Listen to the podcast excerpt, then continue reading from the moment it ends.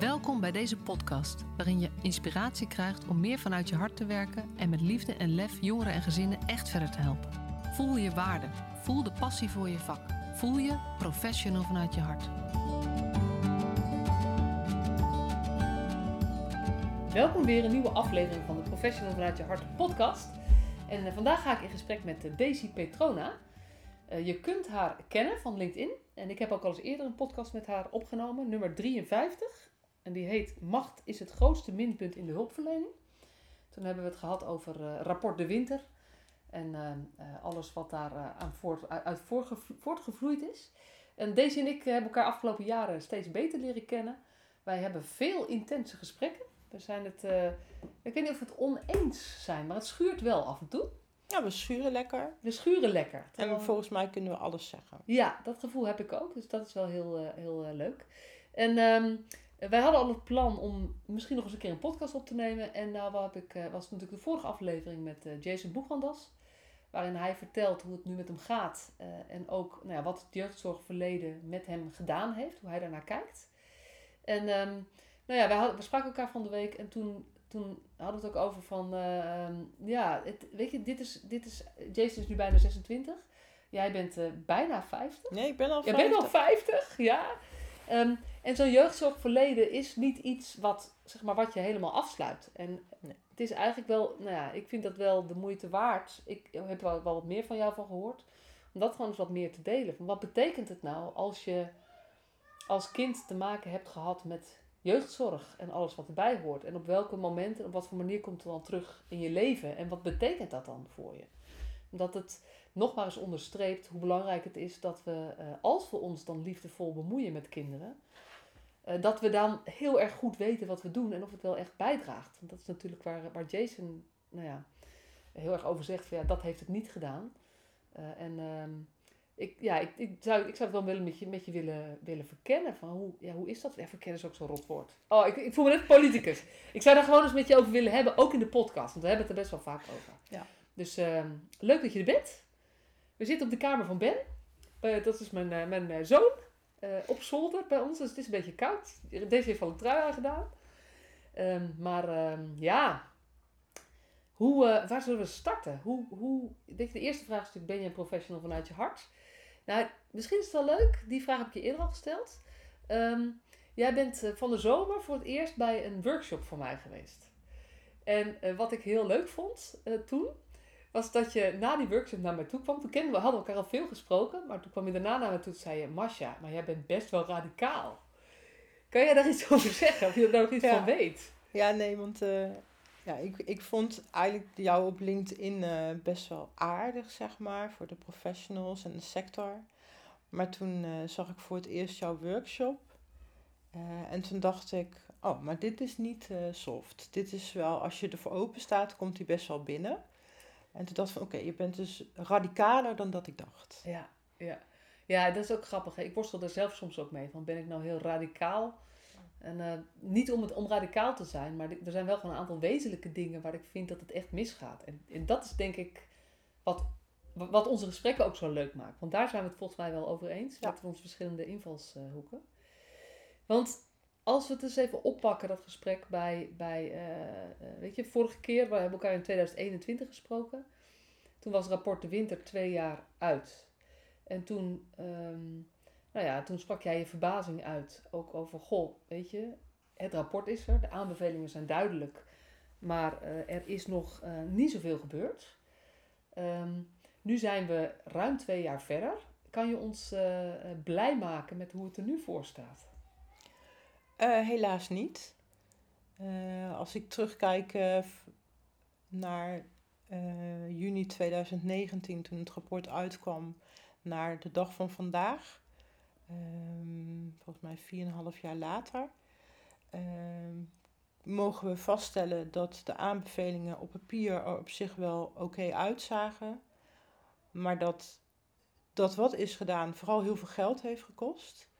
Uh, onder de arbeidstafels. Uh, Rita Verdonk had een of andere projecten over minder administratie. Ik ben even vergeten hoe dat project heette. Eh, maar uiteindelijk heeft het voor de kinderen heel weinig gebracht. Want de rechten van kinderen wordt nog steeds dagelijks geschonden in open en gesloten instellingen. Het is zelfs zo erg dat de inspectie, zo uit mijn hoofd zegt, vorig jaar een rapport heeft afgeleverd waaruit bleek dat in de open instellingen het personeel lastig vond om geen macht te gebruiken en geen repressie. Waardoor de inspectie zich blijkbaar genoodzaakt voelde om dan maar de regels te gaan versoepelen. Uh, zoals kameruur toch maar doen, mobieltjes afpakken, geen contact met ouders. Uh, de nieuwe wetgeving uh, voor jongeren in gesloten jeugdzorg, die geschreven is, waar ze jaren mee bezig zijn geweest. En waarin blijkt dat kinderen nog steeds drie dagen achter elkaar in een ISO mogen zitten zonder dat zij gezien gaan worden opdat iemand misschien kan bedenken, hm, was misschien een onredelijke keuze die hier gemaakt is, waardoor kinderen dus drie dagen beschadigd kunnen raken. Ja, ik denk dan, we hebben niet veel bereikt. Nee. Om maar even lekker meteen in de realiteit te, te, knallen. Is ook goed om te weten, want dit is wel ook waarom jij soms wat scherp overkomt, vinden mensen. Um, uh, en gestrekt been en dat soort dingen. En altijd zo negatief. Uh, maar ja, weet je, wij spreken elkaar veel. Dus ik ben ook enigszins beïnvloed en met, we kennen elkaar wat beter. Maar ik denk ook, ja, als je gewoon feitelijk gaat kijken, uh, daar, daar ligt natuurlijk de issue. Er wordt heel veel over gesproken, worden dingen op papier gezet. Maar jij kijkt ook echt naar van, maar zijn er nou echt dingen veranderd? En daar nou ja, ben je toch uh, niet, uh, niet positief over. Nee, nee het is echt. ik, ik verbaas me er ook over uh, hoe de overheid en de sector ermee weg blijft komen dat er voor de kinderen weinig tot niets verandert. Er zijn maar weinig instellingen die echt kleinschaligheid zijn gaan bieden. Uh, kleinschaligheid ook zonder tralies, terwijl het nog wel onder gesloten jeugdzorgnoemer valt, ja. zoals Parlan hè, van Suzanne Terwij. Uh, en dat is ook verbazend, want zij doen het nu al bijna vier jaar, maar de rest van de sector wil het niet overnemen. Terwijl dat is wel de opdracht vanuit de aanbevelingen. Ja. Ja, misschien, ik zit me ineens te denken dat er, dat er misschien luisteraars zijn die niet weten wat rapport de winter is. Um, in dat geval luister uh, aflevering uh, 70 even terug, want dat is met Daisy. Uh, maar het is een rapport waarin het geweld in de jeugdzorg beschreven wordt door rapport de winter. En dat is echt schrikbarend.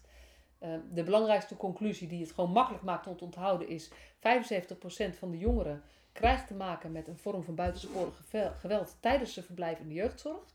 En dan gaat het over instellingen, opengesloten, um, uh, gezinshuizen en pleeggezinnen. Dus het gaat over verblijf.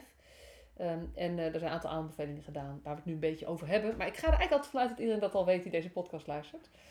Uh, en zo niet, dan kunnen ze er ergens anders Nou, een belangrijke aanvulling. 80% van wat uit de jeugdzorg kwam en nog steeds komt, uh, blijft op een manier zorgafhankelijk. En dat kan zijn dat ze bij de GGZ of bij andere vormen van geestelijke gezondheidszorg blijven, gedetineerd raken, verslavingszorg, ja. dakloos. Ja. Uh, en waar we blijkbaar uh, niet voldoende pijn van ervaren om het ook echt te gaan veranderen.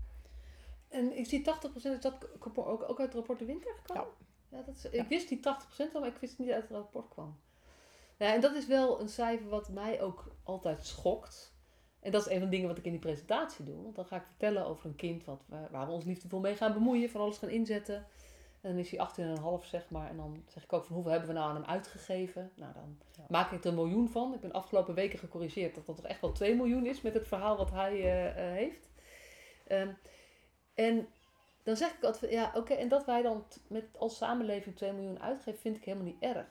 Maar als dat dan betekent dat iemand nog niet in staat is om zijn leven op te pakken of vorm te geven, hebben we, wat hebben we dan gedaan, zeg maar? En dat is, dat is wel echt, en 80% hè, is echt heel hoog. Ja, en, en wat uh, misschien mensen die mij wel van LinkedIn kennen uh, vaak niet weten en ook niet aan mij vragen is, goh, is het dan eigenlijk nu met jou? Omdat uh, ik hoor ook bij die 80%. Ik ben ook tot anderhalf jaar geleden was ik afhankelijk in periodes in mijn leven van zorg. Omdat um, mede dankzij mijn verleden in de jeugdzorg en het niet krijgen van zorg in de tien jaar dat ik daar heb gewoond, um, ja, ik dingen heb opgelopen, ik noem het altijd krassen in mijn brein, waar ik nog steeds last van heb. Ondanks de hulpverlening die ik heb gehad. Um, en dat kan omdat er ook geen passend zorg aanbod is voor onze groep. Ehm, wat, Want jij bent, hoe ben jij in de jeugdzorg terechtgekomen? Als je dat in een heel vogelvlucht uh, Vogelvlucht, mijn moeder had zelf een traumatisch verleden. Uh, kon, vond zelf dat ze daardoor de opvoeding niet aankon. Was bang om mij pijn te doen. Heeft toen mij uh, laten plaatsen bij, was een vrijwillige plaatsing bij een jeugdzorginstelling. Uh, en met elf ben ik naar een pleeggezin gegaan en ben ik op verzoek van het pleeggezin onder toezicht gesteld. Nou ja, vandaar ben ik naar een crisisopvang, leefgroep, kamertraining. En met 18 wilden ze mijn OTS wel verlengen. Maar zei nou nee dank je. Achteraf denk ik van, nou was misschien wel slimmer geweest. Want ik, binnen een week nadat ik weg was bij de laatste instelling wist ik al, ik kan dit helemaal niet. Ik weet helemaal niet hoe dat moet leven. Ik weet niet uh, hoe andere mensen dat eigenlijk doen. Um, dus dat was mijn, in vogelvlucht, mijn jeugdzorgjaren. En even voor de duidelijkheid, omdat dat is wel een irritatiepuntje van mij. Veel mensen denken dat iedereen in elkaar geslagen is en verkracht in de jeugdzorg. Dat is niet zo. Ehm, bijna iedereen van die 75% heeft een vorm van psychisch geweld meegemaakt, emotionele verwaarlozing. Ehm, en een deel heeft seksueel misbruik meegemaakt en is ook echt lichamelijk uh, pijn aangedaan. En de slachtoffers die hebben gesproken voor Rapport de Winter hebben ook aangegeven, ze hebben het meeste last van psychisch geweld. Omdat de woorden die tegen je gebruikt worden echt in je brein gekrast worden. Je raakt ze bijna niet meer kwijt. En dat is uh, voor mij als nu 50-jarige vrouw ja, nog steeds met periodes pijnlijk, omdat ik daar last van heb. Ik heb last van dat hulpvragen nog steeds een probleem is. Um, Omdat je niet weet hoe daarop gereageerd wordt? Nou, ik denk uh, dat het ermee te maken heeft dat ik uh, mijn lijf nog steeds heel snel op alarm staat. Uh, waardoor belemmerende overtuigingen die ik heb opgedaan in de jeugdzorgjaren, ehm, zoals gedachten als je stelt je aan, je, je wil alleen maar aandacht, je moet het niet groter maken dan dat het is, in mijn hoofd spelen op het moment dat ik wel de gedachte heb, ik zou nu eigenlijk mijn beste vriendin moeten bellen. Maar die gedachten zijn zo sterk dat ik in helikopterview kan zien dat ik eigenlijk wel wil bellen. Maar die belemmerende overtuigingen zijn zo sterk dat ik dan drie dagen later ga bellen. Ja, ik, kan er ik kan er gelukkig ook om lachen, omdat ik inmiddels heb leren accepteren dat dit is wie ik nu ben. En dat zelf voor een deel nu ehm, met mijn belemmerende overtuiging dit in stand hou. Ja.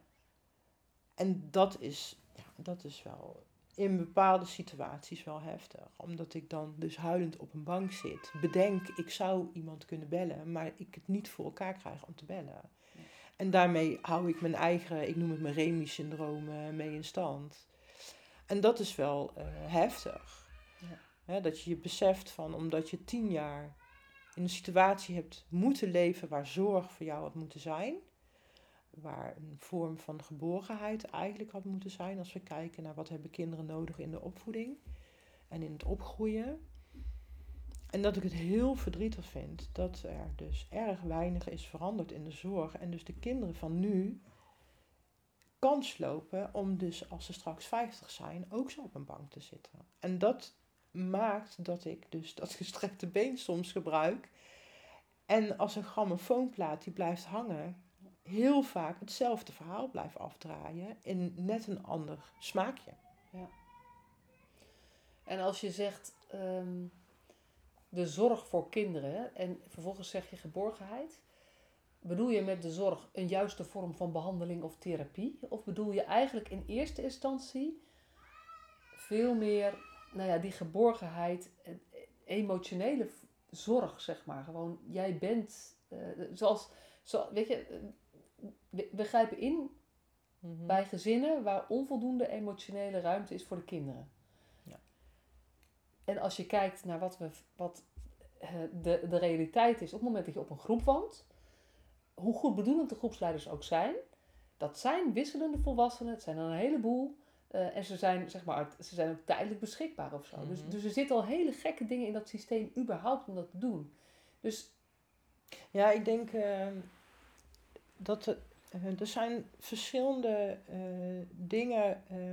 Kijk, aan de ene kant heb je nu kinderen die uit huis worden geplaatst op basis van echtscheidingsproblematiek en onderwijsproblematiek. Waarvan ik denk, nou sorry, maar die horen daar niet thuis. Dus die lopen per definitie schade op in dat systeem, omdat ze er echt niet thuis horen. Daarnaast heb je een groep kinderen, nou, zoals ik, met een ouder die zwaar getraumatiseerd is waarbij dus de ouder zorg nodig heeft. Ik denk met wat we nu allemaal wel hier en daar als aanbod hebben, dat bijvoorbeeld het volledig pakket thuis, wat uh, Patricia Roos in een podcast aan jou heeft uh, uitgelegd, dat dat bij mij thuis had moeten worden aangeboden. Gewoon, en, en hoe het ook heet, eigenlijk... Zorg in huis, voor bij ouder en kind, en laat dat kind gewoon in die situatie. Uh, maar er is ook een groepje kinderen en, uh, waarvan ik denk, kijk, die kinderen waarvan hun ouders uh, hun bewust pijn doen, dus niet uit onmacht, maar echt bewust het prettig vinden om hun kinderen pijn te doen, op welke manier dan ook. Kijk, voor die kinderen zal er iets moeten zijn. En dat wat er dan zal moeten zijn, uh, ik denk dat voor die kinderen die echt zwaar beschadigd zijn, in een pleegzin of gezinshuis is bijna geen optie. Want je bent zo wantrouwend naar de ander toe, dat die verzorgers vooral zelf heel veel gaan oplopen in de relatie met die kinderen. Dat zie je ook soms op LinkedIn voorbij komen. Hè? Hechtingstoornis hier en daar. En uh, ja, we moeten zo hard werken. Ja, dat klopt. Bij kinderen zoals mij moet je heel hard werken. Want wij hebben honderdduizend keer dezelfde handeling nodig om te ervaren dat jij misschien wel betrouwbaar bent. En doe je één keer wat anders, dan doen we duizend stappen achteruit. Dus stop met vooral heel hard je best te doen. Ben jezelf, zodat wij kunnen ontdekken wie jij bent en zelf op een dag een stap naar voren kunnen doen. Kijk. Ja, en dat is natuurlijk ook in de tijd dat jij daarmee te maken had. Toen was nog de gedachte, hechtingsproblematiek, ja, de houd, dan wat, toen was echt de wetenschappelijke overtuiging ook nog. Dan moet je afstand houden. Ja. Uh, en dat is beter en dat wordt nooit meer wat, zeg maar, met ja. die hechting. En gelukkig heb, weten we nu dat het wetenschappelijk gezien anders zit. Ja. Um, en toch, als je kijkt juist naar kinderen die, die zo uit zo'n ingewikkelde situatie komen, um, uh, houden we meer professionele afstand dan goed ja. is voor die kinderen, denk ik. Ja, ik denk dat het al. Uh, ik kan me nog herinneren dat ik bij, bij mijn pleegzin was weggelopen. En toen ging ik over naar een crisisopvang. En toen kwam ik daar. En ik wilde alleen maar vertellen over wat er bij dat pleegzin was gebeurd. En dat mocht niet. En ik hoor nu nog heel vaak dat kinderen niet mogen vertellen over hun belevingen. Waar ze heel erg mee zitten. Waardoor dus die belevingen uiteindelijk trauma's worden. Hè, dus Gabo Maté ook, hè? Die ja, zegt, het trauma ja. is niet wat er is gebeurd, maar het, probleem, het, het, trauma ontstaat op het moment dat je alleen bent. Ja. En niet met, mag uiten over wat het met je heeft gedaan, hoe je daarover denkt, wat je daarover voelt. En al moet je het duizend keer vertellen, who cares? Maar daar is dus geen, vaak geen ruimte voor. En wat denk ik ook uh, niet helpend is, is dat een arm om je heen...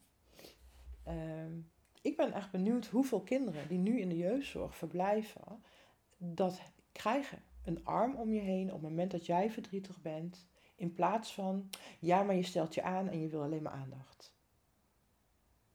Of een tissuebox naar je toegeschoven. Want weet je, er zit echt nog wel een tussenvorm in, hè, wat jij nu zegt. Want ik snap wat je zegt. Maar ik denk ook die arm om je heen. Weet je, dit is, dit is niet alleen voor kinderen, maar mensen hebben dit gewoon nodig. En dat is natuurlijk wat ik ook vertel, onder andere in die workshop en met de plaatje met die twee poppetjes, is eigenlijk van joh, we moeten er gewoon zijn voor mensen. En dat kan alleen maar als mens. Ja. Dus, eh, en die kinderen zijn ook gewone mensen. Ja, maar. dat de kinderen die in de jeugdzorg met verblijf komen, ik, ik, ik zeg tegenwoordig, dat zijn geen mensenkinderen meer blijkbaar. Want de behoeften die kinderen hebben op het moment dat ze bij ouders zijn, en daar niet aan wordt voldaan, dan wordt er gezegd het is een ontwikkelingsbedreiging. Maar zodra je in de jeugdzorg komt, zijn heel veel dingen die je van ouders verlangt dat zij die met kinderen doen, zijn daar niet. Of omdat het niet mag, hè, van uh, teamleiders die het spannend vinden als je een kind een knuffel geeft. Uh, of gewoon validatie op het feit dat een kind even flink wil, uh, zich wil uitleven over wat hij van zijn ouders vindt, omdat hij daar een kutweekend heeft gehad. Ja, nee, dat moet allemaal niet, want het moet allemaal wel netjes. Nee, kinderen zijn nog steeds kinderen als ze in de jeugdzorg komen, hebben dezelfde behoeftes als kinderen die bij hun ouders wonen, hebben dus de behoefte om gevalideerd te worden in wat zij ervaren, wat dat met hun doet. En het is dan dus soms nodig dat je als hulpverlener of soms ook mensen het onderwijs die wel met kinderen dat contact hebben, durf te zeggen: Goh, dat is echt een kutstreek van die moeder van jou. Ja. Weet je, maar dat, op de een of andere manier kan dat niet, mag dat niet, durven mensen dat niet. Ik ben nog steeds op zoek naar het antwoord. Wat maakt nou ja, dat kinderen in de jeugdzorg geen mensenkinderen zijn? Want ineens verdwijnen heel veel behoeftes van tafel. Die, die kinderen echt nog steeds hebben. Ook al laat ze misschien heel ingewikkeld, onverstaanbaar gedrag zien. Ja, ja en dat ik vind wel mooi, ja, mooi, verdrietig, intens, ik weet niet welk woord, herkenbaar misschien wel, dat je het onderwijs erbij haalt. Want dat is natuurlijk een plek waar heel veel, uh, uh, zolang het goed gaat, is er veel meer genegenheid naar deze kinderen. Vaak, weet je, heel veel docenten, ik zit op scholen ook zeg maar, totdat het kind te moeilijk gedrag krijgt. Want dan krijgen we dezelfde dynamiek dat er eigenlijk... We zeggen allemaal, ja, we kijken naar het kind achter het gedrag. Maar we doen het helemaal niet. We, we gaan echt op het gedrag... Daar gaan we ons op afstemmen of zo. Terwijl ik... Ja, ik weet niet zo goed, maar alles, alles in mij zegt... Als we willen dat dat gedrag verandert, moeten we op het kind afstemmen. Nou, en ook ont... Ja, en of het dan verandert of niet trouwens. Dan, dat zou minder relevant moeten zijn dat zou niet uit mogen maken. Kijk, want het gaat er gewoon om. Kinderen hebben basisbehoeften. Die zijn al, weet ik hoe vaak beschreven in allerlei eh, wetenschappelijke boeken. Ehm, en die behoeftes zijn er nog steeds als kinderen uh, onverstaanbaar ingewikkeld gedrag vertonen. En dan moet je ze dat niet afpakken, uh, die behoeftes en de bevrediging van die behoeftes, maar juist misschien nog meer daarop investeren. Dat is. Eh, wat ik ook interessant vind, in ieder geval aan de, de workshops eh, die ze vanuit Parlant soms op congressen geven. Want die zeggen, zij hebben het gewoon helemaal omgegooid. Wij, wij hebben het niet over het gedrag van het kind, richting het kind. Nee, een, een kind vertoont gedrag en wij gaan kijken, wat doet dat bij ons? En welke behoeften hebben wij niet bevredigd van het kind, waardoor het kind het gedrag gaat vertonen? Ja. En ik denk dat dat, of dat het, het verhalla is, weet ik niet. Ja. Maar het is in ieder geval heel veel meer gezonder dan dat we voor de rest in het systeem aan het doen zijn. Er stond vandaag een artikel in Trouw over het stoornisdenken en uh, de ADHD, ASS. Uh, nou ja, dat uh, ook even aan denken. Want daar gaat het natuurlijk ook over. Dat we op die manier kijken. maar even terug naar jou. Um, want je vertelt, ja, weet je, de, de patroon, die belemmerende overtuigingen die in mijn hoofd gegroefd zijn, die, die komen echt ook uit die tijd. Wat zou het anders voor je gemaakt hebben? Als er toen anders met je omgegaan was? Nou ja, ik had van de week een uh, gastcollege bij Fontes Hogeschool Eindhoven. En toen hebben we het hier ook over gehad. Uh, want die doen onderzoek voor uh, jeugdhulpverdoende beschermd. Over heeft een jongere in de jeugdzorg eigen regie? Um, en toen vroeg ze aan mij ook van ja, wat had er anders gemoeten? Ik zei nou, wat er anders had gemoeten is dat ze aan mij hadden gevraagd op het moment dat mijn moeder had aangegeven, ik kan niet meer voor mijn eigen kind zorgen. Goh Daisy, bij wie zou jij willen wonen? Want er waren gewoon opties. En dat heeft men aan mij toen niet gevraagd. Toen ik met elf naar een pleeggezin moest, heeft men me wel gevraagd. Heb ik benoemd, ik wil bij mijn peetante wonen, want die kende ik al vanaf mijn geboorte. Het was geen biologische familie, maar wel, voelde wel als familie. Dat wilde mijn moeder niet, dus ze hebben toen naar mijn moeder geluisterd. Nou, later zit ik op een crisisopvangcentrum. Uh, ze wisten niet wat ze met me aan moesten. Ik heb toen zelf gezegd, ik wil bij mijn peetante. Dat wilde mijn moeder niet en is dus niet gebeurd. Weet je, uh, er zijn ook wel eens discussies van, ja, moet je in hoeverre moet je naar de stem van het kind luisteren? Voor mij zijn kinderen mensen. En mensen kunnen hun behoeftes aangeven. En je kunt vanuit die behoeften op onderzoek gaan hoe reëel is de oplossing die het kind zelf aandraagt. In mijn geval was het echt een oplossing, want toen ik ging schrijven voor uh, Commissie de Winter, heb ik mijn tante bevraagd over wat zij nog over mijn jeugd wist. En toen kwam dus de sprake dat zij uit zichzelf vertelde. Ik heb vanaf het begin af aan aangegeven dat ik en mijn gezin jou heel graag hadden willen opvangen. Niemand heeft daar gehoor aan gegeven gewoon. Dat ik echt denk van. Dus ik heb gewoon tien jaar van mijn jeugd in situaties moeten leven die niet veilig waren. Waar ik niet heb gekregen wat je als kind, als mens nodig hebt om je volwaardig te kunnen ontwikkelen. Op alle niveaus. Gewoon omdat men naar mijn moeder heeft geluisterd. zelf er misschien ook nog wel iets van vond. Dan denk ik, het is eigenlijk het, voor niks. terwijl het jouw leven is. Ja. ja Het was mijn bent. leven. Ja. En nu zie je ook hè, dat in de richtlijnen staat, richtlijnen uit huis plaatsen, we moeten zo, zo, zo thuis mogelijk en bij voorkeur niet naar een instelling. Nu nog komt het voor dat kinderen niet in eigen netwerk worden, worden geplaatst, om misschien omdat ouders niet willen, omdat hulpverleners er niet zitten. Dan denk je, ja, maar ik Nou ja, denk dat omdat, je... omdat er mensen te snel eigenlijk akkoord gaan met dat ouders of anderen zeggen nee, maar we hebben niemand. Ja, Daar kom ik ook achter. Dat En ze niet voldoende, denk ik, bewust zijn welke langlopende schade je kinderen aandoet die je in jeugdzorg plaatst. Ja, dat is. Ik moet nog heel even. Het gesprek van Jason komt ook steeds in mijn hoofd. Hè, want ik, ik had hem nog even aan de telefoon eh, vanmorgen. En we hadden het ook over van wat is nou voor hem een van de. En, en wat hij noemde was: ja, weet je, mijn autonomie is afgenomen. Dat is voor hem het meest schadelijke. En het is precies wat jij nu zegt. Dus dat raakt me wel, Ja. eh, wel heel erg. En, en ja, dan het bruggetje naar die langlopende schade. Want nou ja, toen was je, toen was je 18,5. Toen was de jeugdzorg klaar. En toen mocht je met het leven beginnen. Ja, en toen wist ik niet hoe je dat moest doen. Dus eh, ik weet nog goed, eh, ik woonde op kamertraining in Nijmegen. En ik zou in, dat was in juli. En in, in begin september of zo zou ik gaan studeren in Tilburg. Maar ik had geen woonplek. Nou, toen, ik heb geen idee hoe ik erop ben gekomen. Uiteindelijk heb ik een kamer weten te regelen in Weurt.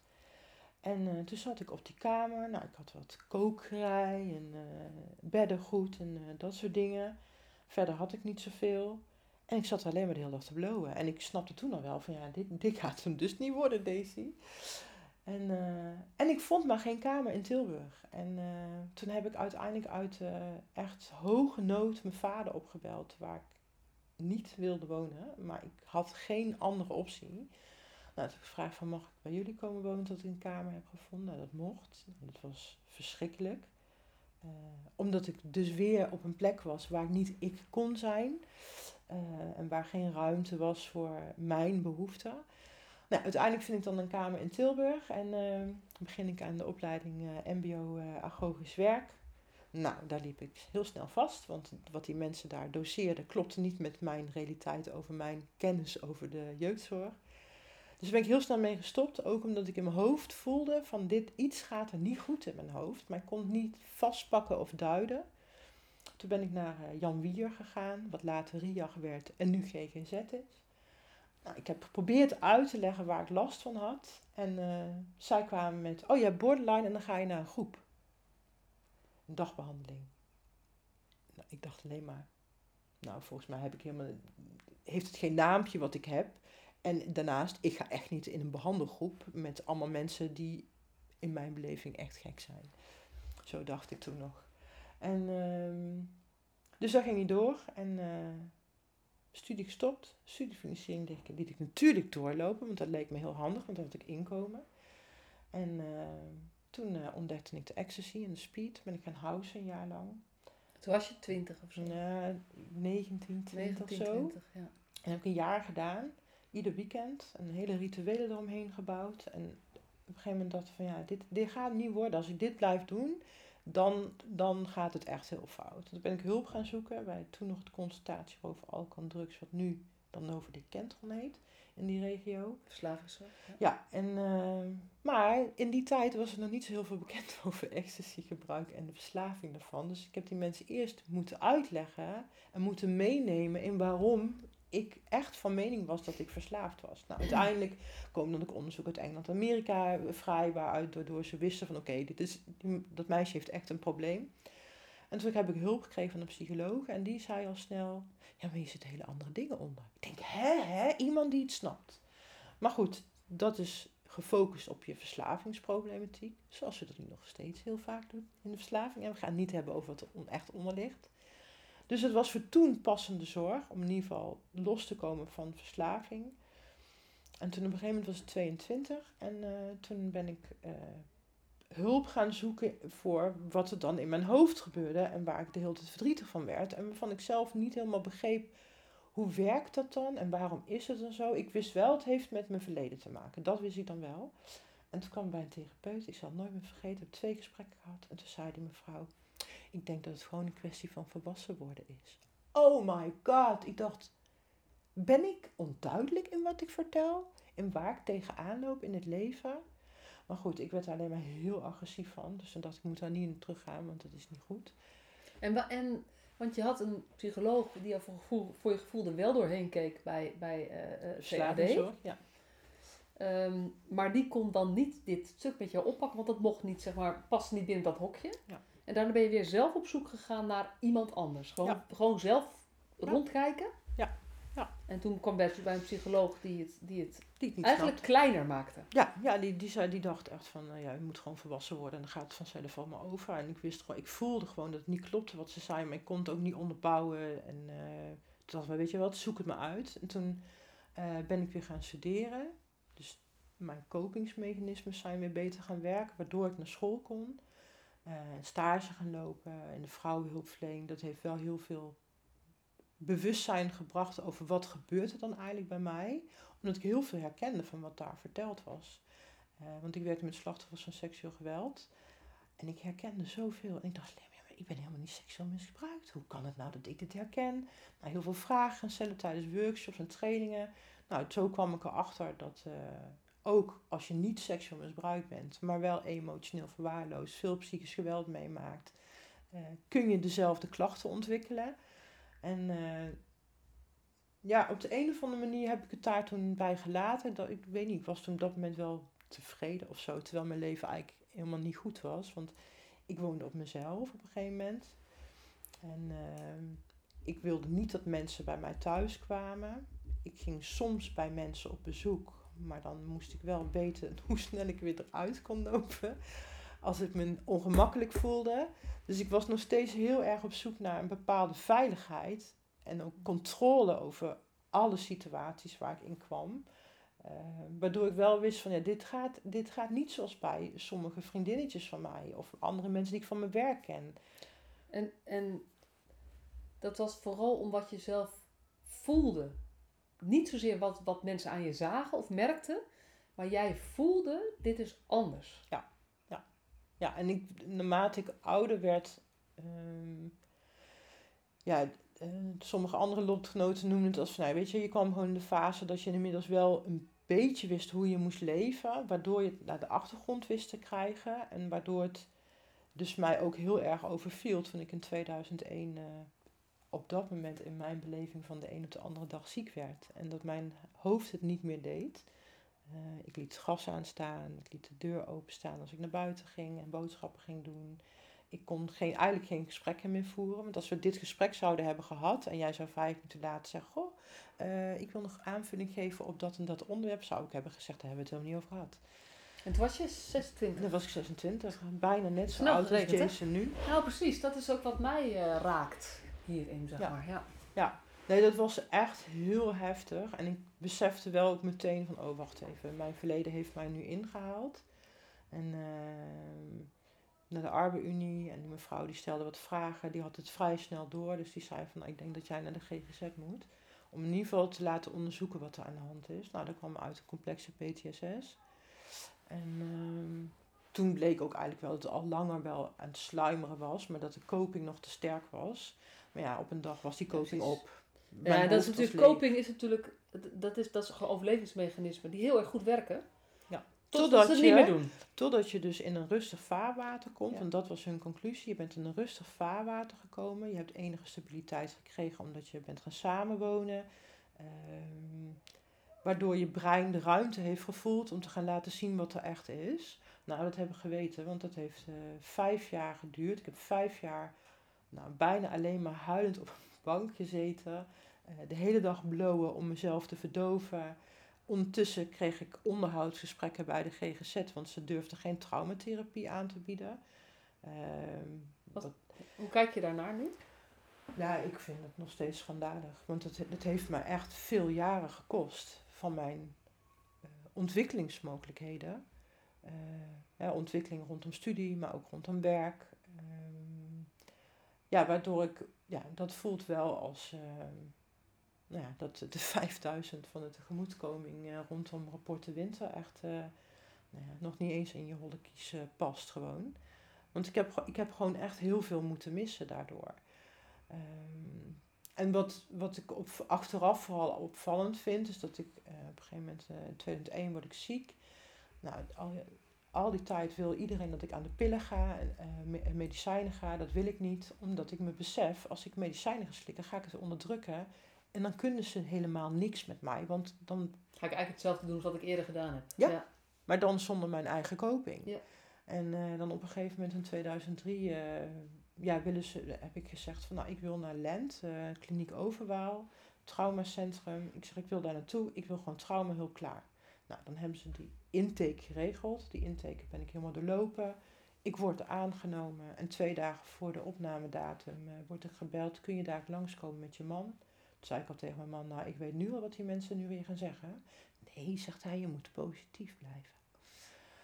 Nou, wij komen eraan en jawel hoor, we gaan, durven het toch niet aan, want een derde persoon heeft jouw dossier bekeken en we zijn bang uh, voor agressie. Geen idee waarop dat gebaseerd is. Ik weet alleen dat ik op dat moment net zo dood ging als de dag dat ik uh, door mijn moeder naar internaat werd gebracht. En dat eigenlijk een herhaling van Zeta. Alleen nu was ik degene die heeft gezegd: Ik heb hulp nodig, help mij. Ja, wij gaan jou helpen. Nee, toch maar niet, want we vinden het een beetje te ingewikkeld. Ja, dat was, daar heb ik echt lang over gedaan om die boosheid kwijt te raken. Nou ja, uiteindelijk uh, in 2016, nee, 2014. Uh, Toen was je, even kijken, 2026, dus uh, die jaartallen, zeg maar. ja, ik ben heel slecht daarin. Toen was je een jaar of 40 inmiddels bijna. Ja krijg ik spierpijn in mijn benen. En ik gaf het sporten de schuld. Maar had je, had je traumabehandeling gekregen? Nee. Tussen 2001 en 2000? Nee, nada. Noppen, snickers. Alleen maar onderhoudsgesprekken. Ja, oké. En uh, in 2014 krijg ik uh, spierpijnklachten. Ik geef de sportschool de schuld. Die zeggen op een gegeven moment, nou deze duurt wel heel lang. Dat komt niet van het sporten. Misschien moest je naar de huisarts. Dus ik naar de huisarts. En uh, die heeft mij doorgestuurd naar spierspecialisten hier in Utrecht. En die uh, zeiden, jij hebt last van chronische spierspanning. Heb je misschien trauma's? nou, ik begon meteen te lachen. Ik zeg, nou, een hele doos vol. Ik zeg, ga jij mij nu vertellen dat wat ik in mijn lijf voel, komt door wat er in mijn hoofd zit, waar ik al die jaren geen zorg voor heb gehad, er wel om heb gevraagd? Ja. Uh, en dat was wel uh, heftig, want dat betekende dat ik, terwijl ik toen geen ik had natuurlijk wel mijn schade aan mijn hoofd, maar ik kon wel leven inmiddels. Ik had ontdekt hoe je dat moest doen. En noem je het ook leven? Of was het functioneren soort van aan de oppervlakte Nee, meedoen? ik kon toen wel leven, want ik had in 2018 een kind gekregen, wat wel...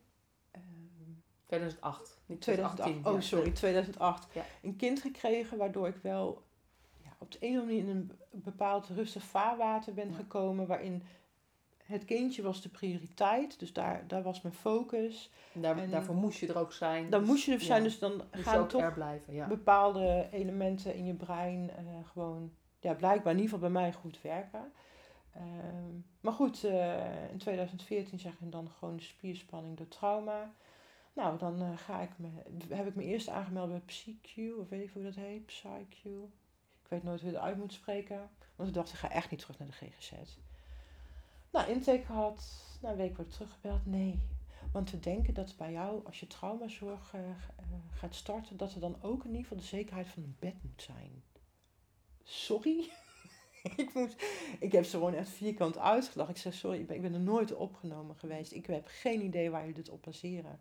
Maar goed, zij wilde niet. Maar dat is, en dat is natuurlijk een beetje de rode draad in jouw verhaal. Uiteindelijk bepalen anderen voor jou wat goed voor je is. Ja, en hoe dat eruit moet zien. Ja, welke smaak dat moet hebben. Ja. Ja, en uiteindelijk denk ik van oké, ik ga me dan toch maar bij de GGZ aanmelden. Want eigenlijk zijn we mede verantwoordelijk voor de puinhoop die er nu is. Dat heb ik gedaan. Word ik eerst doorverwezen naar de, wat toen nog Solkliniek heette. De naam al, weet je. Een kliniek die zich bezighoudt met lichamelijke klachten, maar zich dan niet focust op de trauma. Dus zei ik, vind het heel grappig dat jullie me daar willen hebben, maar daar hoor ik niet thuis. Ik wil traumahulp. Nou, en dan krijg ik een intake met een uh, traumaspecialiste. Uh, die uh, tijdens de intake ik al door hoe zij dingen teruggaf aan mij. En bepaalde woorden die zij gebruikte. Ik dacht, jij snapt het. En eh, toen moest de week naar terugkomen, zou ik terug te horen krijgen of ze het zou willen aangaan met mij. En toen heeft ze alleen maar gezegd, Daisy, ik wil het met jou aangaan, maar dan moet jij wel voelen. Hmm. Nou, dat vond ik dus echt een kutstreek. Want ik was wel vooral bezig met niet voelen. Ja, en dan heb ik wel ja gezegd. En toen heb ik uh, twee jaar traumahulp gehad. Toen je dus 45 was al? Ja, ja, ja. En uh, klopt dat? Nee. 2015. Oh nee, dat is een, dat is een stuk jonger nog. Nee. Ja, in ieder geval. Begin 40. Uh, ik was met die traumatherapie bezig en toen werd bekend dat uh, onderzoek de winter echt zou starten. En um, dus ik, ik, rond die traumahulp af, want op een gegeven moment vindt zij dat het wel goed zo is. En ik denk, oké. En uh, toen kwam rapport de winter uit. En toen realiseerde ik me, ja, ik heb traumahulp gehad. Maar ik heb ook zaken die in de jeugdzorg hebben plaatsgevonden, heb ik niet echt traumahulp gehad. En dat had ermee te maken dat deze therapeut, maar ook veel anderen helaas, het lastig vinden om in hun beleving te moeten oordelen over mensen die ook in het hulpverleningsvak zitten. Dus ze zeggen ook, ja, maar ik wil mijn collega's niet afvallen. Terwijl het zijn hun collega's niet, want het zijn mensen van 40 jaar geleden. Ja, um, dus, dus de trauma's die jij in de hulpverlening opgelopen hebt. En dit is natuurlijk een thema waar wij het ook vaker over hebben. En dan specifiek hè, trauma's opgelopen door specifieke hulpverleners. Ja, precies. Ja, want je hebt allerlei soorten trauma's die je kunt oplopen in de jeugdzorg. Ja. Maar door keuzes van hulpverleners dingen hebben opgelopen die ja. nog steeds ook een uitwerking hebben over hoe je met andere mensen omgaat, hoe je met jezelf omgaat. Ja. En waarvan je merkt dat, weet je, want dit is natuurlijk een patroon wat je, wat je meer herkent, waar wij het ook wel eens over hebben, dat eigenlijk hulpverleners al heel snel het gevoel hebben dat ze een soort van naming en shaming doen en dat niet willen. Maar eigenlijk doordat je daarvan weg wil blijven, laat je op zo'n moment jou in de steek. Ja, en dat, is, en dat vind ik wel, dat is ook waarom ik in het nu, kijk, want ik heb nu uh, inmiddels, nu ben ik 50, uh, nou, Rapport de Winter was in 2019. Daarvoor had ik zelf al wel wat dingetjes in mijn leven gebracht waarvan ik dacht van, nou, misschien dat die mij gaan helpen. Dus ik ben bijvoorbeeld voetenreflex gaan doen, uh, omdat ik dacht, ik heb aanraking nodig en ik heb het nodig om mijn lijf te leren dat het ook mag ontspannen. Dus ik dacht, doe veilig voetreflex, dus veilig aan mijn voeten. Er kan weinig aan misgaan. Nou, en dat is uiteindelijk ook gelukt, want het lukt me sinds meerdere jaren om nu tijdens de voetenreflex zo ontspannen te raken dat ik gewoon echt veilig weg ben. Dus dat ik echt kan ontspannen, dat ik even mijn spieren kan ontspannen.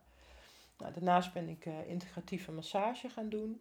Uh, ook met het doel uh, want dat was natuurlijk wel spannender, want dat gaat over het hele lijf. Van kan ik mezelf overgeven aan een situatie, uh, zodat ik kan ontspannen. Dat mijn lijf kan leren misschien ooit op een dag gewoon echt ontspannen. Want ik ben eigenlijk altijd op een bepaalde manier gespannen, wat heel vermoeiend is en niet fijn is uh, en niet helpend is om je fijn te voelen in je eigen lijf. En dus ook niet daardoor misschien nog fijner ooit te voelen in mijn eigen hoofd.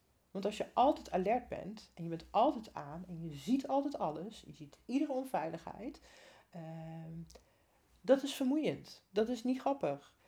Dus dat heb ik zelf ingebracht en nu ben ik dan 50 en nu durf ik te zeggen van oké, er zijn nog steeds een aantal elementen in mij waar ik last van heb, waar anderen geen last van hebben, die niet zichtbaar zijn, maar waarvan ik wel zeg, ik gun echt.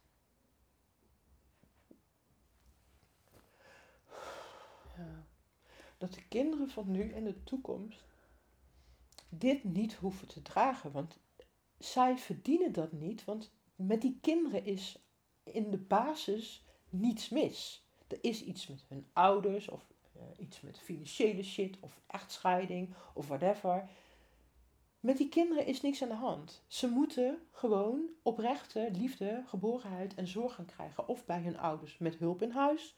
En als het echt niet thuis kan, binnen de hulpverlening vanuit de wetenschappelijke kennis die er echt allemaal inmiddels is opdat zij zich op een zo gezond mogelijke manier kunnen ontwikkelen, opdat zij oprechte kansen krijgen in hun volwassen leven. En niet net zoals ik nu er tegenaan lopen, je hebt niet de juiste papieren, uh, je bent te negatief, bla bla bla bla. hey, ik heb mezelf niet zo gemaakt. Ik heb er niet voor gekozen om zo alert te zijn, waardoor die negatieve elementen die ik blijf benoemen, voor mij zo voelbaar en zichtbaar blijven ik had ook het liefst gehad dat ik nu een mens was geweest wat zich druk had kunnen maken over, oh, heb ik wel mooie kleren en mooie schoenen, is mijn huis al mooi gepolijst. Nee, dat kan ik niet, want mijn brein staat dat niet eens toe dat ik me daarmee bezig hou. Doe het wel voor mijn vriendinnen. Dat kan ik inmiddels wel. Oh, vind je dit geen leuk trui? Maar voor mezelf, nee, ik ben daar niet mee bezig. Ik ben bezig met hoe kan ik er fijn zijn voor mijn eigen kind?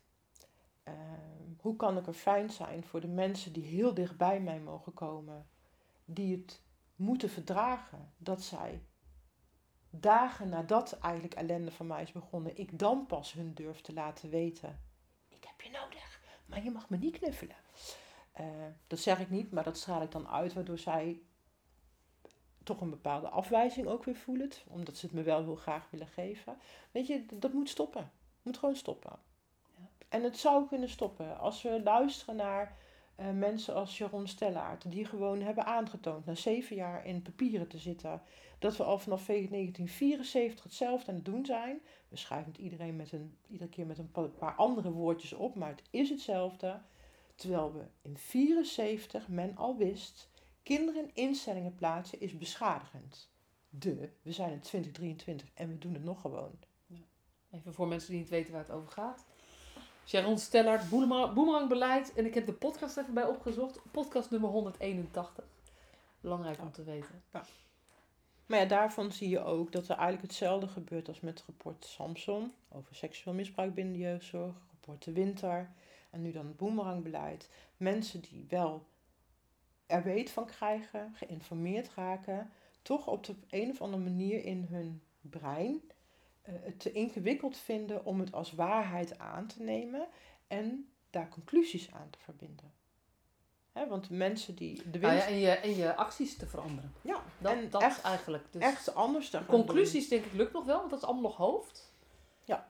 Maar het gaat eigenlijk over dat als je echt laat doordringen, wat, weet je, dat is natuurlijk wat Rapport de Winter wel met mij al gedaan heeft ook. En ja, welke acties verbind ik er dan aan? Nou ja, ik, ik doe niet voor mijn best, laat ik het dan zo noemen. Ehm, ehm, maar het is zo moeilijk. Het is, maar, het is nou, blijkbaar moeilijk. maar jij verbindt er wel acties aan. Want van de zomer waren we in dat uh, buurthuisje. Ja. Met uh, de professionals vanuit je hart.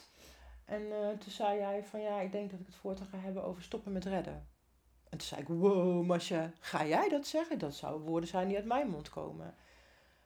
Ik heb dat aan jou teruggegeven. Toen zei nou ga nog even vijf minuten over nadenken. Toen kwam terug, ja nee, ik ga het echt zo doen. Dus ook ja. Winter suddert bij jou, en dat boemerangbeleid is er nu bovenop gekomen, waardoor de winter nog verder wordt uitvergroot voor mensen die het echt voelen en snappen.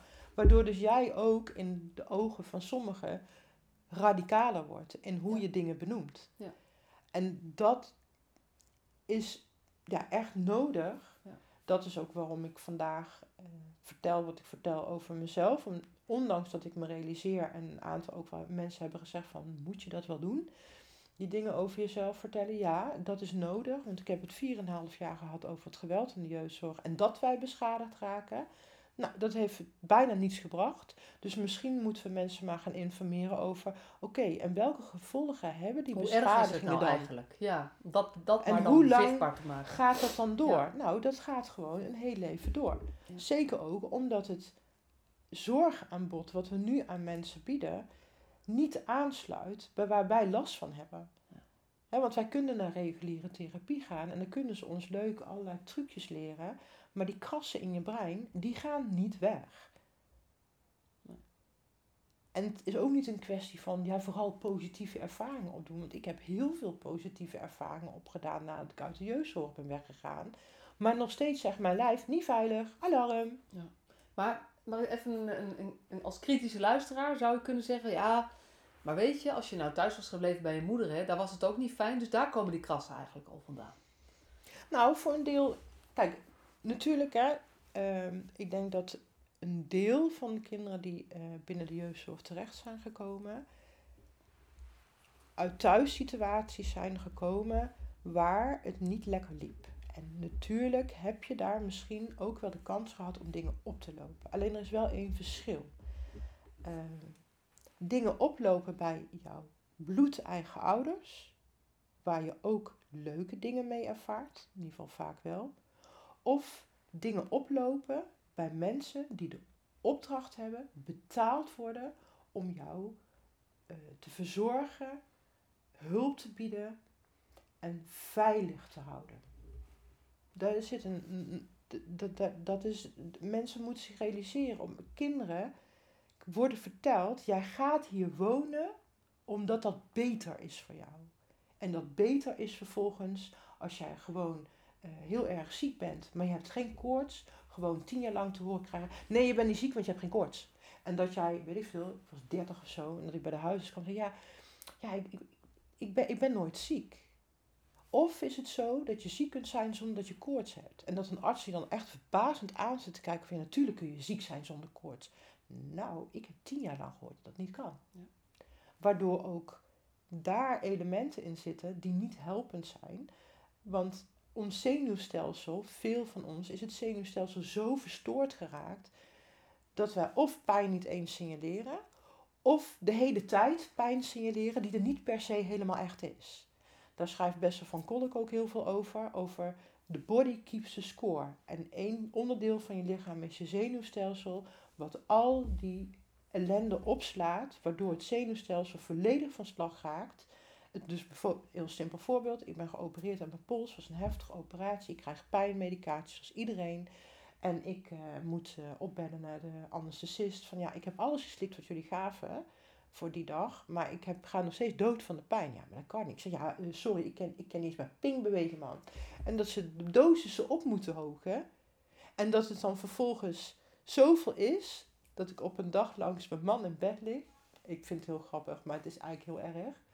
Ik heb zoveel pillen op dat ik voel nog steeds pijn, maar mijn hoofd is inmiddels wel al heel ver weg. En dat ik zeg, ja, ik weet dat je mijn man bent, maar ik weet niet meer hoe je heet. Nou, we hebben ons kapot gedacht, want we snapten echt op dat moment van dit is echt heel erg. Hè? En dat geldt dus ook. dat dat gewoon die, die verbinding gewoon niet klopt. Nee, het, het klopt gewoon niet hoe het nu werkt. En dat hebben we en nu. Dus, en dat is, dat is het verschil tussen die trauma's van thuis, zeg maar, en het tekortkomen van thuis, wat ook echt, zeg maar, wat echt je vormt als mens en waar je heel veel klappen van meekrijgen, kan krijgen, zeg maar. En nou ja, dat, dat hebben veel meer mensen dan de kinderen in de jeugdzorg. Als je eenmaal in de jeugdzorg terechtkomt, dan komen daar gewoon krassen bij, groeven bij, ja.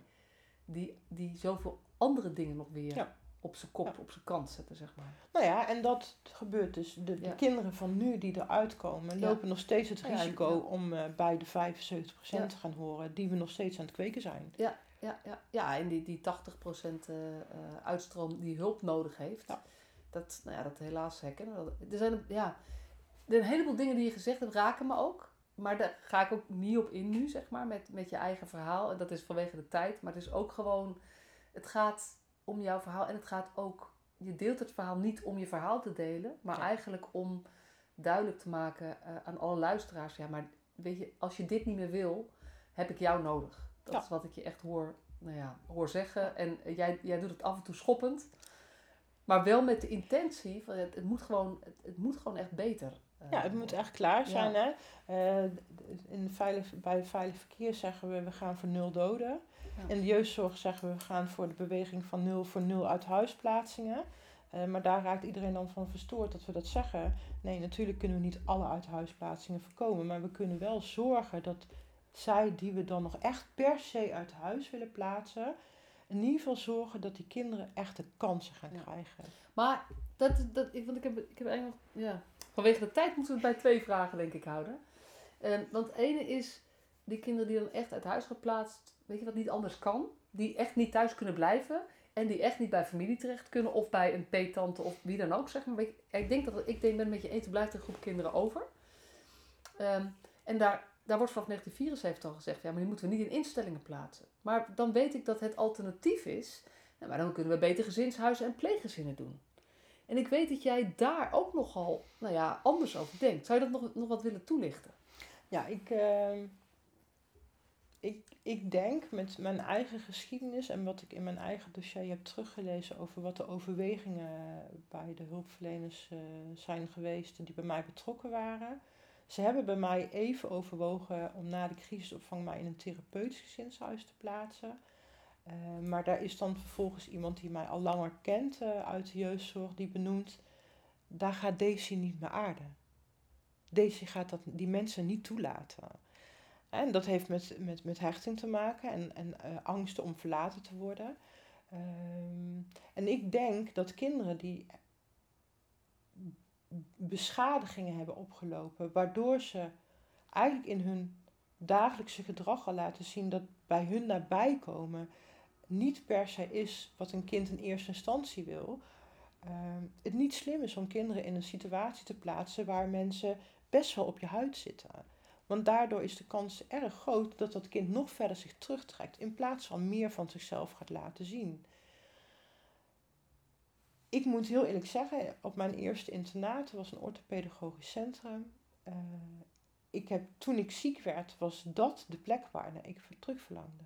Waarvan ik echt dacht, als ik daar nou terug naartoe zou kunnen gaan. Omdat daar, even los van dat uh, zij bijvoorbeeld ook heel lastig vonden om tegen mij te zeggen, van, ja, het is ook stom wat je moeder heeft gedaan. Maar daar was wel, ik voelde daar wel hun liefde. Ik voelde daar wel hun betrokkenheid. Uh, zij deden ook van alles wat helemaal niet mocht. Hè. Ze gingen mij laat op laten blijven, omdat ik slecht te slapen was. Dus dan gingen we s'avonds laat Dallas kijken. En dan gingen ze mijn haren borstelen. Uh, ik ging ook wel eens met groepsleiding mee naar huis. Want ik was ook altijd de achterblijver. Ik bleef als enige achter. De meeste kinderen stroomden op een gegeven moment wel ergens naartoe uit. En ik bleef daar maar. En ik snapte niet waarom. Ja, behalve dat, ja, je kunt nog niet bij je moeder wonen.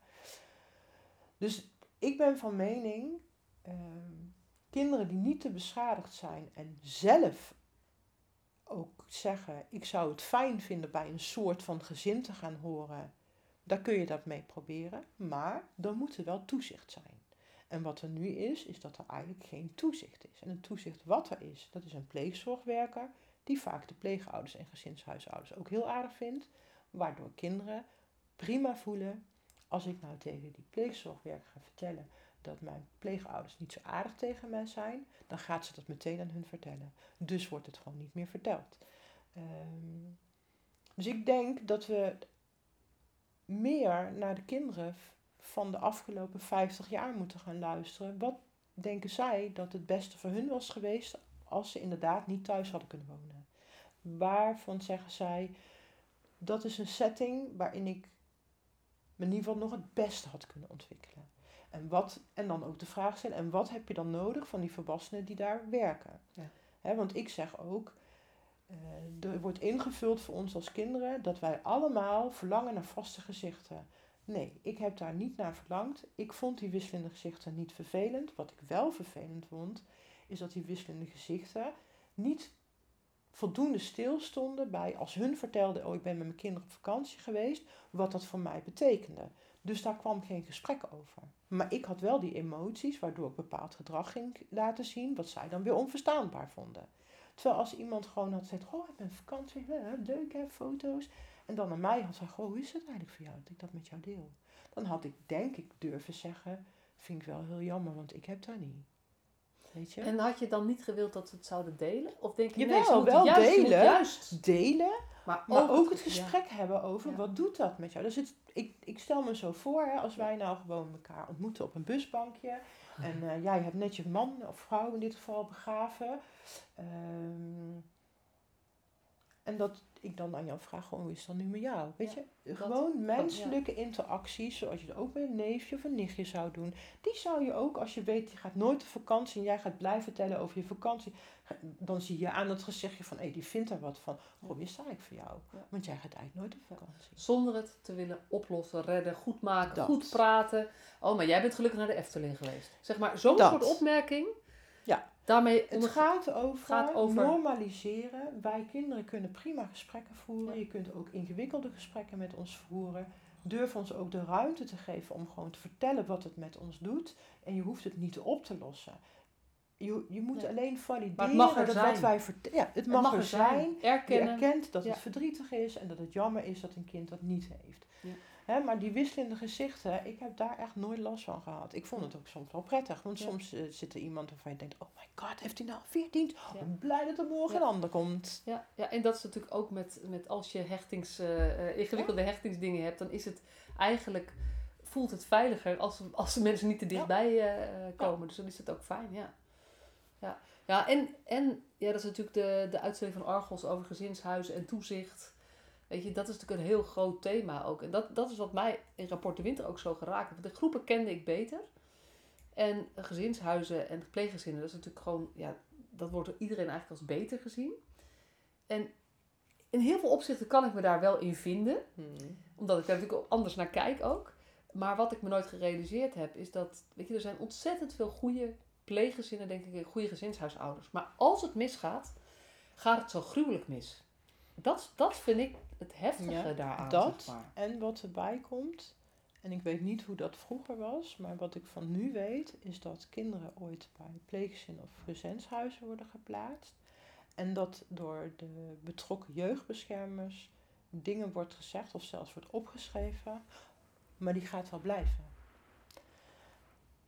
Terwijl de opdracht is een kind zo kort mogelijk uit huis en contact laten houden met eigen ouders Ja. en werken aan terugplaatsen. Volgens mij is dat een nieuwe richtlijn sinds Het anderhalf is de jaar. nieuwe richtlijn, maar hij is ook, dit is zo'n voorbeeld van het staat prachtig op papier.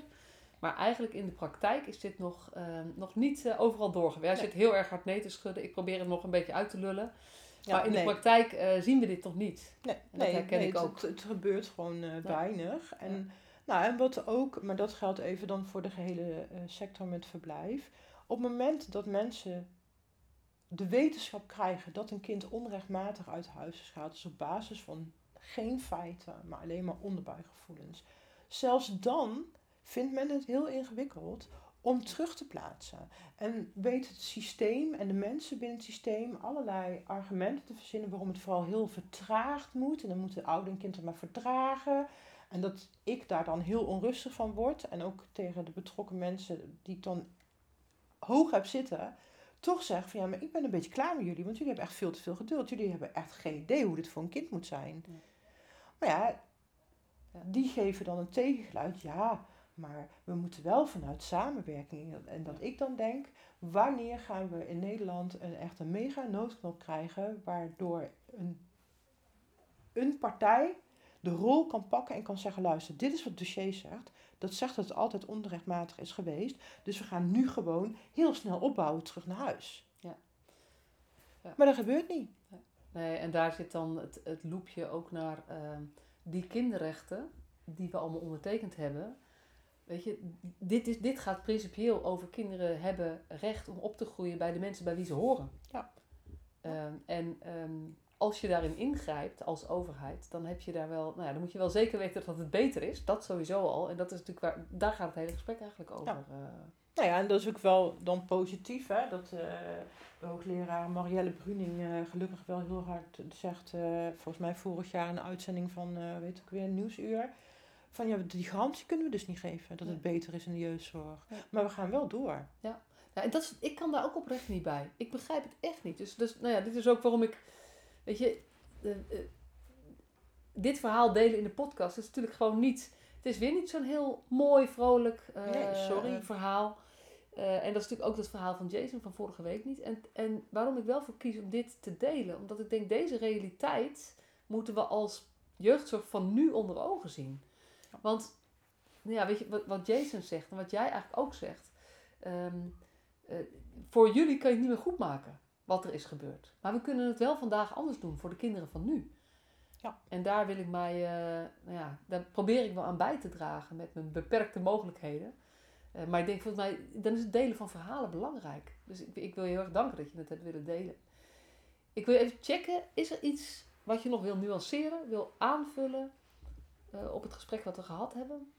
Nou, ik denk dat het, wat ik de afgelopen 4,5 jaar, sinds dat ik me helemaal heb toegelegd op het onderwerp jeugdzorg in nou, de breedste zin, uh, binnen het gedwongen kader, is dat ik telkens weer verbaasd word, ben over het feit dat mensen die beleid maken weinig tot geen kennis hebben van de realiteit en dus ook geen kennis, geen kennis hebben over hoe gaat het beleid in de praktijk dan werken, of werkt het misschien niet.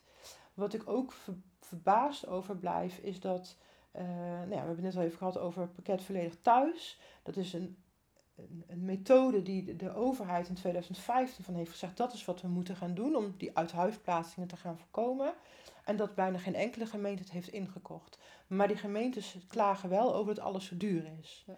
En ik dan denk, wanneer staat er in ons land iemand op die echt heel helder in beeld gaat brengen, wat is er mogelijk? Wat doen we nu? En wat gaat het VVD-praatje het ons financieel opleveren als we gaan doen waarvan we weten dat het werkt. Want dan kan geen enkele gemeente meer gaan klagen over hoeveel geld het kost. Want dan gaat het veel minder kosten. Hetzelfde, blijft me verbazen. Uh, de sector zegt, een deel van de sector, echtscheidingsproblematiek hoort er niet bij. Onderwijsproblematiek hoort er niet bij. Maar ze blijven die kinderen onder toezicht stellen. Ze blijven ze uit huis plaatsen. Waardoor de caseload van de jeugdbeschermer extreem hoog blijft. Stop daarmee. Wanneer gaat iemand zeggen, daar gaan we dus vanaf morgen mee stoppen en we gaan alle casuïstiek opnieuw bekijken. Welke kinderen hoor je niet? Welke kinderen moeten onder die OTS uit? Dan gaat er ruimte ontstaan. En nee, werker, je hoeft niet bang te zijn dat er daarna geen werk meer is voor jou. Want dat je geen jeugdbeschermer meer hoeft te zijn, betekent niet dat er in het veld geen werk voor jou is weggelegd. Daarnaast, het wordt beter, want je mag dan gaan hulp verlenen, daar waar je voor opgeleid bent. Je bent niet opgeleid om regiecasus uh, of uh, casusregisseur te zijn. Dat heeft iemand bedacht ergens in de tijd dat je dat moest gaan spelen, die rol. Daar heb je niet voor geleerd. Daar moeten we, moeten. Ja, er zijn echt ja. zoveel dingen die verbazing blijven oproepen. Um, maar die uiteindelijk ook bedekt blijven en scherper gezegd moeten worden. Ja. Nou ja, daar hebben we in deze podcast geprobeerd om daar weer een klein zetje in te doen. Ja. Dankjewel. Graag gedaan.